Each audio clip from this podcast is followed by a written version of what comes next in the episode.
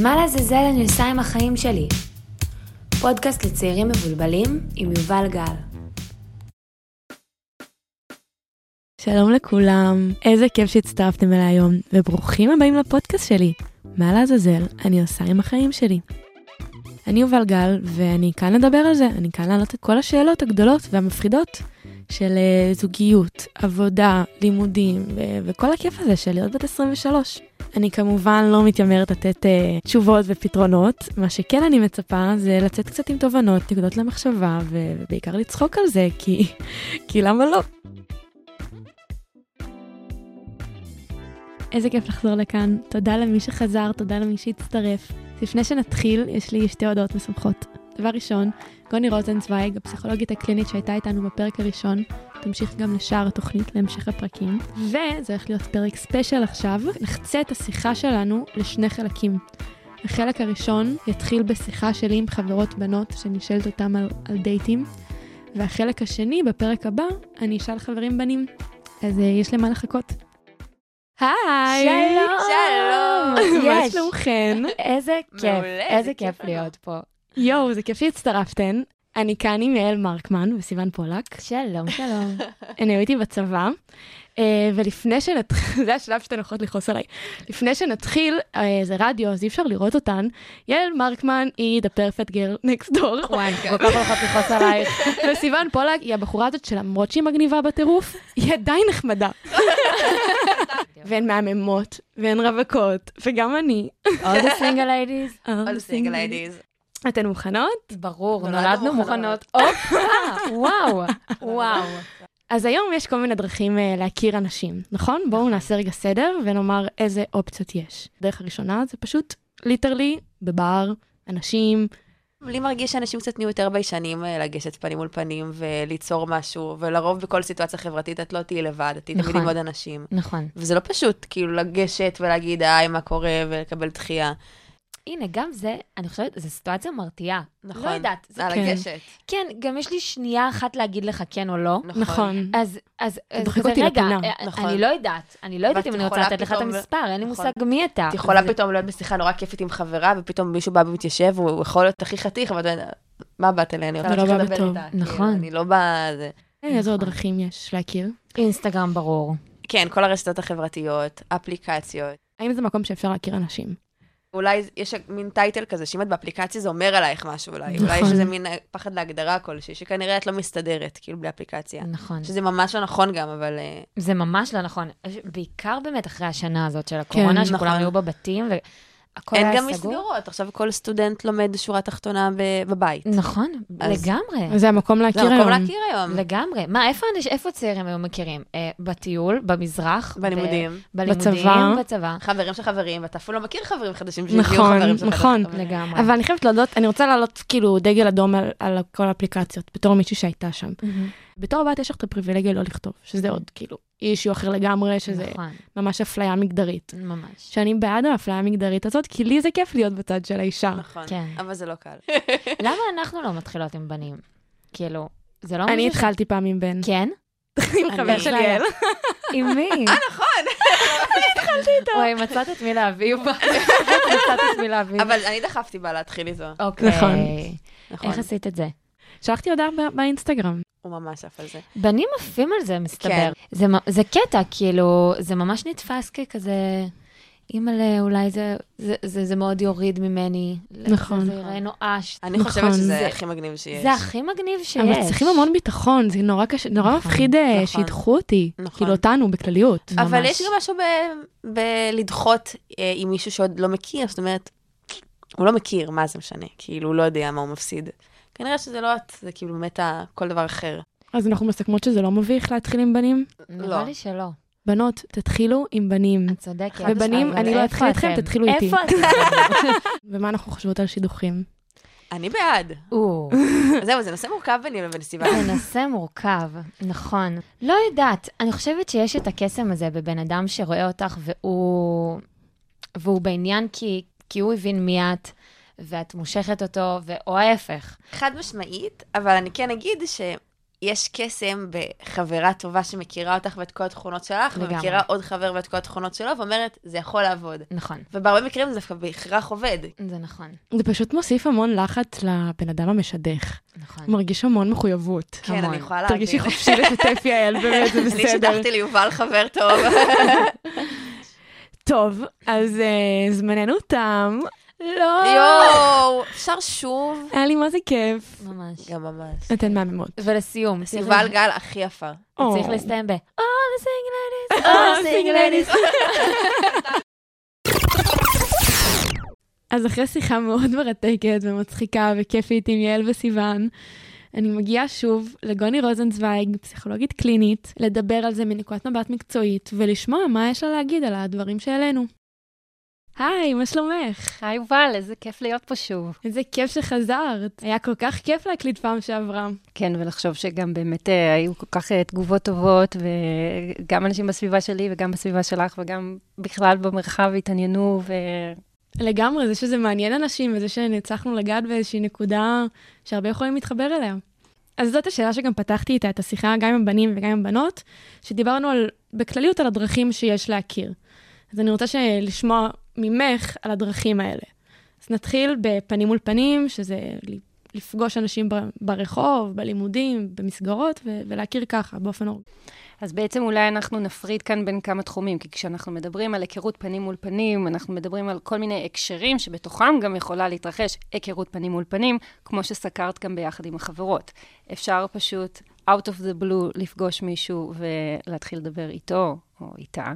אפשר לפגוש מישהו דרך מסגרת משותפת או דרך חוויה משותפת, כמו שפוגשים מישהו בטיול, או בלימודים, או בעבודה. זה אבל מרגיש לי סוג של הפנטזיה שלי, של פשוט לראות מישהו בין- ברחוב, או לראות מישהו במסגרת, וזה פשוט יהיה דיבור. אבל זה פשוט המציאות של היום לא כל כך מאפשרת לזה. גם אנשים יש להם את הדרך לעשות קיצור דרך, כי זה נורא מלחיץ לפנות למישהו פנים מול פנים. את רואה את הדחייה ואת חווה אותה והוא רואה אותך.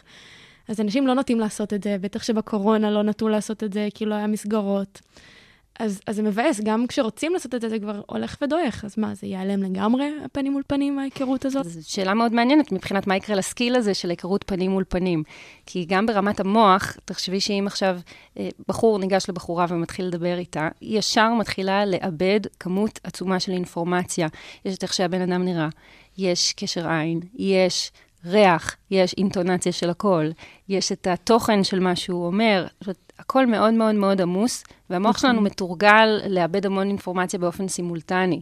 מה יקרה לזה לימים ככל שאנחנו פחות ופחות במפגשים ה- ככל שאנחנו פחות במפגשים הישירים ויותר במפגשים המבוקרים האלה, זו שאלה מצוינת. היום למשל, את כבר לא תתקשרי למישהו לפני שאת שנייה בודקת איתו אם הוא פנוי. אנחנו ממש מווסתים הכל ו- ומתכננים אותו הרבה יותר מראש, פחות פשוט מתפרצים אחד לשני לחיים.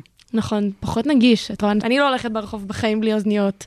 אני כנראה, ומשקפי שמש, כנראה אני נראית מאוד לא נגישה לעולם הזה. כדאי, כדאי במובנים האלה גם קצת להסתייג ולהגיד, לפחות אולי זה, זאת הראייה שלי, אבל אני, אני, אני די מאמינה בה, שסך הכל בטכנולוגיה ובמעבר לעולם הווירטואלי, אין לגבי זה אמירה חד משמעית של אם זה טוב או זה לא טוב. זה מייצר כל מיני מגמות, יש לזה יתרונות, יש לזה חסרונות. אני חושבת שברגע שאנחנו, כמו שאנחנו עושות עכשיו, מדברות על הדברים ומעלות אותם למודעות, אחר כך אנשים יכולים לבחור בתוך זה מה, מה הם רוצים לעשות ובמה הם רוצים לבחור. ועוד אופציה שהיא גם אה, אה, די נפוצה, זה לפגוש דרך שידוכים, שחברים אה, עושים לנו איזה חיבור כזה וחושבים שנתאים. זה פנים מול פנים, כי אני אף פעם לא סגורה על זה, כי זה כן קצת מרגיש כמו אפליקציה. לפני שהיה את האפליקציות שהיינו צריכים לייצר לעצמנו את הכרטיס ביקור ולשווק את עצמנו, לפני זה היו השדכנים. נכון. מה עושים השדכנים? זה בעצם אה, דרך שהמידע על הצד השני מונגש בהדרגה, כי יש איזה שדכן שהוא פונקציה באמצע. היית פעם במצב של שדכנית? זוועת עולם, מזעזע. ספרי. כל כך רציתי שזה יעבוד, שהפעלתי עליהם המון המון לחץ, נורא התרגשתי לחבר את העולם הזה ולחבר את העולם הזה, והם יכולים להתאים, ויש ביניהם איזשהו פוטנציאל לכימיה. בפועל, אחת מהסיבות שזה לא עבד, או שזה נגמר כל כך מהר, זה גם עליי. אני חושבת שבכוונה שאלתי אותך רגע איך היה לך להיות שדכנית, בגלל שיש משהו באמת סביב המוטיבציה הזאת, שמאוד רוצים ששני אנשים יכירו ושזה ילך להם, ושלפעמים אנחנו מאוד מושקעים בזה, בדיוק מהמקום של ליצור את ההיכרות הזאת, ואז אנחנו מאוד משווקים לכל צד את הצד השני, ואז בפועל יש את הפער בין הרצוי למצוי, ומה שקורה כששני אנשים באמת מתחילים לדבר. בתור מישהי שעובדת בטלפון, אמ, ואני מאוד חיה את זה, אני מאוד רוצה לא לחיות את זה, ואני רוצה מאוד להכיר בחוץ ובעולם האורגני, אבל איך אני יכולה כן לשלב את ה... להיעזר במה שכן יש לאפליקציות להציע לי, ולא כל כך להירתע ורק להסתכל על מה שעושה לי לא טוב בתוך זה. אני חושבת שהבוטום ליין הוא שכל אחד יעשה מה שטוב לו. מי שמוצא או מוצאת יותר ביטחון בלהכיר דרך האפליקציות, מצוין. מי שרוצה לשמור את זה אולד סקול וללכת על ההיכרות הפרונטלית, שילך על זה. אין שום אה, אמירה שאומרת שמשהו עדיף על השני, ואני חושבת שבמובן הזה, יובל, גם את יכולה לאפשר לעצמך איזושהי גמישות, וזה גם לא חייב להיות שחור או לבן, את יכולה בתקופות מסוימות להיות קצת, את יכולה לחסום את זה לגמרי, כל אחד ומה שעובד לו, אבל אם יש משהו ש... נקרא לזה מקומם אותך סביב זה, זה, זה שאלה מה... היה לי ניסיון באפליקציות והייתי בהם, ושמתי לב שזה לא... לא יודעת, קשה, גם אני בן אדם שיותר פנים מול פנים, אז הרגשתי שהיה לי קצת יותר קשה להעביר את המסר שלי דרך, הם, אמ, כאילו דרך התכתבות. אני לא כזה טובה בלהתנסח, אה, לפעמים כאילו גם יש הרבה טעויות הקלדה, וכזה שגיאות כתיב, ואני לא כל כך אוהבת את הצד הזה שבי. את יכולה להעיד על זה. אני מצחקקת בשקט. וגם, אה, טוב, זה יישמע קצת צרות של השירים, אבל בתור בעל באפליקציה יש לי יותר שפע, יותר בחירה. וזה היה כל הזמן להצליח לסנן את מי כן להיפגש את מי לא, וזה דורש הרבה מאוד זמן, וערבי, וכאילו אני מצאתי את עצמי במין ש-loop מדייט לדייט, וכאילו אין לי זמן פנוי לעצמי ולחברות שלי. זה כבר מאוד שחק אותי, לצאת עוד דייט שלא קורה בו כלום, עוד דייט שמשעמם אותי, עוד דייט שאין התאמה. זה לא בהכרח צרות של עשירים, הרבה אנשים... שנמצאים באפליקציות מדברים על זה שהם מרגישים שהם ממש נשאבים לשם, ושהמון זמן הולך על עצם הגלישה, נקרא לזה, בתוך האפליקציות. מזללת זמן אה, רצינית. נכון. זה פחות משנה כמה אתה פופולרי שם או לא, זה עצם ההתמודדות עם העומס של המידע. גם עם דברים שמדברים עליהם בצורה לא פורמלית, לגבי האלגוריתמים של האפליקציות, שנועדו כדי לגרות אותנו כל הזמן להמשיך אה, ולהיות שם עוד לעוד, ועוד ועוד, ולחפש ולחפש. אז זה באמת עולם שברגע שנכנסים אליו הוא מאוד שואב. והוא גם אה, מייצר במקביל הרבה אינטראקציות עם כל מיני אנשים, בעצם הרבה ספקולציות גם מי נמצא מולנו, ואם שווה לנו להמשיך איתו שלב או לא. אה, וזה עומס מסוג מסוים. אם דיברנו על זה שיש בהיכרות הפרונטלית סוג מסוים של עומס, כי מישהו אחד בא ובבת אחת מביא איתו הרבה אינפורמציה, באפליקציות העומס הוא שרוחבית מתמודדת בדרך כלל עם לנסות ל... לפענח כל מיני מצבים של היכרות פוטנציאלית בו זמן. אני מצטערת, זה מאוד נדיר שכולם נראים בדיוק כמו בתמונות. כשמישהו מנסה לייצר לעצמו, כולנו, גברים ונשים, מנסים לייצר לעצמם איזשהו כרטיס ביקור באפליקציה, זה חוזר במובנים מסוימים גם לנושא הפומו, כי בעצם אנחנו מדברים על איזה תדמית אנחנו רוצים לשדר, ואיך אנחנו רוצים, כמו הפחית של הקולה, שצריכה להיראות הכי, הכי מזמינה ומרווה, אנחנו צריכים להיראות במיטבנו. ואז אנחנו בדיוק מתחברים למקום הזה של לנסות לייצג משהו שהוא לא לגמרי המציאות, הוא שוב חוזר לנושא הזה של פנטזיה לעומת מציאות. אז יכולות uh, להיות תמונות שמנסות להוציא מאיתנו את המיטב. וטקסט שנכתוב שבו לא נרשום שיש לנו בעיה עם סדר וארגון, ולפעמים אנחנו נוטים לפרצי כעס, לא נרשום את כל זה. נכון. הכל יהיה באמת אה, הרבה יותר מיופה, ואיפשהו זה לא כל כך, אני חושבת, אני לא רואה את זה כמשהו מניפולטיבי, כמו איזשהו אילוץ, שבתוך מציאות שהיא יותר מורכבת, בשלב הווירטואלי הזה, כשאנחנו עוד רק עם הקונספט של מי זה הבן אדם, אנחנו מנסים להוציא מעצמנו את המקסימום. אבל נראה לי אני קצת אה, נקלט לה, רק לשלילי של זה, אני רוצה גם לחשוב על החיובי של זה. כי זה מאוד עזר בקורונה, זה מאוד עזר שלא היה איך להכיר. Um, אני רוצה שנעבור לשאלה הבאה, ושנדבר עכשיו על איך אני יודעת מה אני מחפשת. כי נורא קל להרכיב איזושהי רשימת מכולת, שבה אני אומרת, אני מחפשת מישהו חכם, מישהו שאפתן, מישהו לא יודעת מה. איזה שהם קריטריונים, מסוים, קריטריונים מסוימים. אני חושבת שכל אחד מאיתנו יוצא עם איזושהי רשימה שהיא ציפיות שלנו ממי שיהיה בן או בת הזוג שלנו. והרשימה הזאת כוללת כל מיני קריטריונים שנוגעים במי שאנחנו מחפשים. כשאנחנו יוצאים לדרך עם כזאת רשימה, אחד הדברים לשאול זה, מי בעצם כתב את הרשימה הזאת? האם, הציפיות האלה הן ציפיות שלנו אישיות? אפשר לדעת בכלל מה זה ספציפית אישי שלנו? האם הציפיות האלה קשורות למשפחה? מי שיהיה הכי מתגמל להביא אותו הביתה לאימא ואבא והם יהיו מרוצים, כי הם העבירו לנו מסר לגבי מה זה בן או בת זוג ראויים. האם זה קשור בהמשך לשיחה שלנו בפרק הקודם, לתרבות הפומו, מי יצטלם הכי טוב, אפילו לא במובן של אם, אם היא או הוא נראים טוב, כמו שהם יזרמו איתנו, על להעלות אחר כך את כל התמונות האלה מהמצפה ברמת הגולן עם היין, ואפשר ביחד לעשות uh, שיווק אה, איכותי כזה של פאוור קאפל, למשל. אז אנחנו צריכים קודם כל לעצור ולשאול את עצמנו בכלל, מה יש ברשימה הזאת. אחד הדברים המעניינים הוא, הוא לראות מה קורה בין הרשימה לבין המציאות. אני חושבת שאת בטח יכולה להתחבר לזה, שלא תמיד ללכת אחרי הרשימה זה מה שסוגר את הפינה בלמצוא אחר כך את ה... את... בכלל לא. אני חשבתי שיש לי רשימה מאוד מאוד ספציפית, חשבתי, יש לי רשימה מאוד מאוד מאוד ספציפית בראש. של מה אני מחפשת ומה אני רוצה. זה נורא מצחיק כל פעם, אני יוצאת עם מישהו, הנה, הוא עונה בדיוק על כל הדברים, ואז זה נגמר וכזה, לא, לא, לא ככה, מרכיבה רשימה מחדש. כאילו כל פעם היא מתחדדת קצת יותר, אבל אני גם לא חושבת שזה כזה טוב שאני עושה את זה, כי יצאתי עם מישהו שענה כביכול על כל הקריטריונים, ולא הייתה כימיה, לא הייתה התאמה.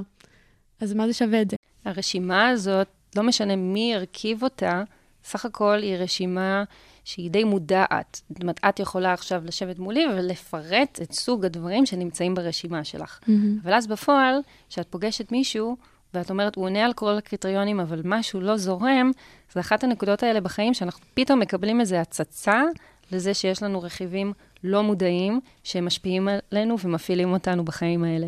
נכון. ואז אנחנו אומרים, אין כימיה, הוא כאילו נראה טוב, אבל אה, לא עושה לי את זה, לא יודעת למה. ובדיוק הפערים האלה זה הנקודה להתעכב ולעצור ולשאול מה לא עובד. כי על פניו קיבלנו את מה שרצינו, ועדיין משהו חסר. וזה כבר יכול להיות להמון תת-תרחישים. לי מה שקורה זה שאם נגיד הבן אדם הזה עונה על הרשימה ועל הקריטריונים, אבל אין שם את המשהו החסר, אז אני מנסה בכוח, ואז רק, זה פוגע בשני הצדדים. הוא כאילו מרגיש כל פעם שהוא מאכזב. אני מרגישה לא בנוח, ושאני, ואז זה הופך קצת ל, לריצוי, שגם קצת דיברנו על זה בפרק של הפומו. ונכון, הוא עונה על הרשימות, וזה לא מספיק. מה שאת רוצה זה גם שהוא יגרום לך להרגיש תחושה מסוימת, ומאוד מפחיד לומר, אוקיי, אין לי סיבה ממשית, פשוט משהו לא מסתדר לי, אני חותכת את זה עכשיו. וזה תהליך ש... לא יודעת, לקח לי הרבה מאוד זמן להבין אותו, ויצאתי תקופות יחסית ארוכות עם אנשים שלא התאימו לי, כי חשבתי של, הנה, זה זה. וזה גרם לי לרע, וזה פגע בצד השני. ואני חושבת שאם אני מסתכלת על עצמי, על התקופות האלה, זה פשוט להצליח לומר, אין לי עכשיו סיבה, אבל יש את התחושה הזאתי, בעתיד, אחרי שאני אומר לבן אדם הזה שזה לא מתאים, אז אני אבין באמת למה זה לא יתאים. לפעמים חלק ממה שמתסכל הוא שבזמן אמת, אם הגיע מישהו שעל פניו אנחנו חושבים שאמור להיות מתאים לנו וזה לא עובד, לפעמים אחד החלקים הקשים הם שאנחנו בזמן אמת לא תמיד פנויים עוד לעכל את מה שקורה. נכון. אז יש איזה משהו שהולך עם נטיית הלב. אם אני לא מסוגלת כרגע ואני מרגישה חסומה, למרות שעל פניו אני אמורה להיות בעניין. אז עם זה אני הולכת, ואחר כך לימים, אה, לפעמים אה, מקבלים מספיק space אה, לעכל את זה ולהבין מה, מה קרה שם. נכון. אחת הדוגמאות הקלאסיות לפער בין רשימת מכולת לבין מה שקורה בפועל, זה מקרים שבהם את יכולה לראות איך על פניו את רוצה זוגיות מסוימת, אבל מוצאת את עצמך שוב ושוב נקלעת למערכת יחסים שהיא קשה, שהיא מכאיבה, שאין בה זמינות רגשית של הצד השני. ואני חושבת שרוב החברות שלך, כשתשבי ותדברי איתן ויספרו על, ה, על הבן זוג האולטימטיבי, הם לא יספרו על מישהו שמכאיב להן ופוגע בהן, כנ"ל נכון. לגבי גברים לגבי נשים. אבל לפעמים ברגע האמת אנחנו בוחרים בחירות מאוד אה, מכאיבות ומשונות.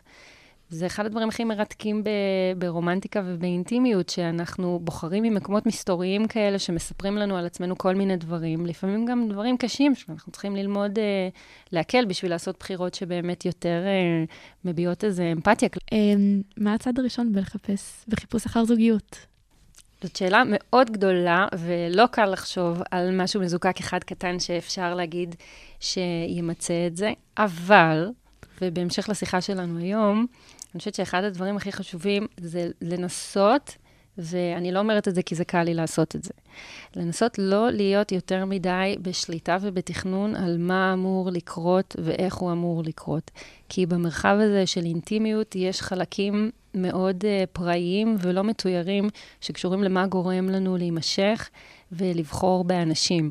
זאת אומרת, בדרך כלל זוגיות היא משהו שאם אנחנו מדברים על הציר בין הפנטזיה לבין המציאות, זוכרת, דיברנו על זה בפרק הקודם, שלעומת כן. הפנטזיה, המציאות היא מסי והיא מורכבת. אז כמו שכל אחד מאיתנו כבן אדם הוא מורכב, ויש לו יתרונות וחסרונות ותסביכים, תמיד בתוך זוגיות אנחנו נמצא את המרחבים האלה שהם מורכבים. אז הייתי מציעה לא לנסות יותר מדי לשלוט בתהליך ולדעת בדיוק את מי אנחנו מחפשים ולבוא עם איזה משהו שהוא נוקשה. אני חושבת שאחד הדברים זה לנסות להיות גמישים ולהתמסר למה שאנחנו מרגישים, גם אם אנחנו לא לגמרי מבינים את מה שעולה בנו. ושם עדיף להתייחס לעצמנו באיזושהי סקרנות ולא בשיפוטיות, כי אנחנו יכולים ללמוד מהתהליך הזה המון, המון. כן. טוב, אני לוקחת את זה איתי. תודה. תודה לך, יובל. יצאתי עם הרבה נקודות למחשבה. גם אני. ביי. ביי ביי. טוב, אז uh, לצערנו זמננו תם. תודה רבה לכל מי שהקשיב, תודה רבה לכל מי שלקח חלק, תודה לגוני רוזנצוויג, פסיכולוגית קלינית, תודה ליעל מרקמן וסיון פולק, וניפגש בפרק הבא של מה לעזאזל אני עושה עם החיים שלי.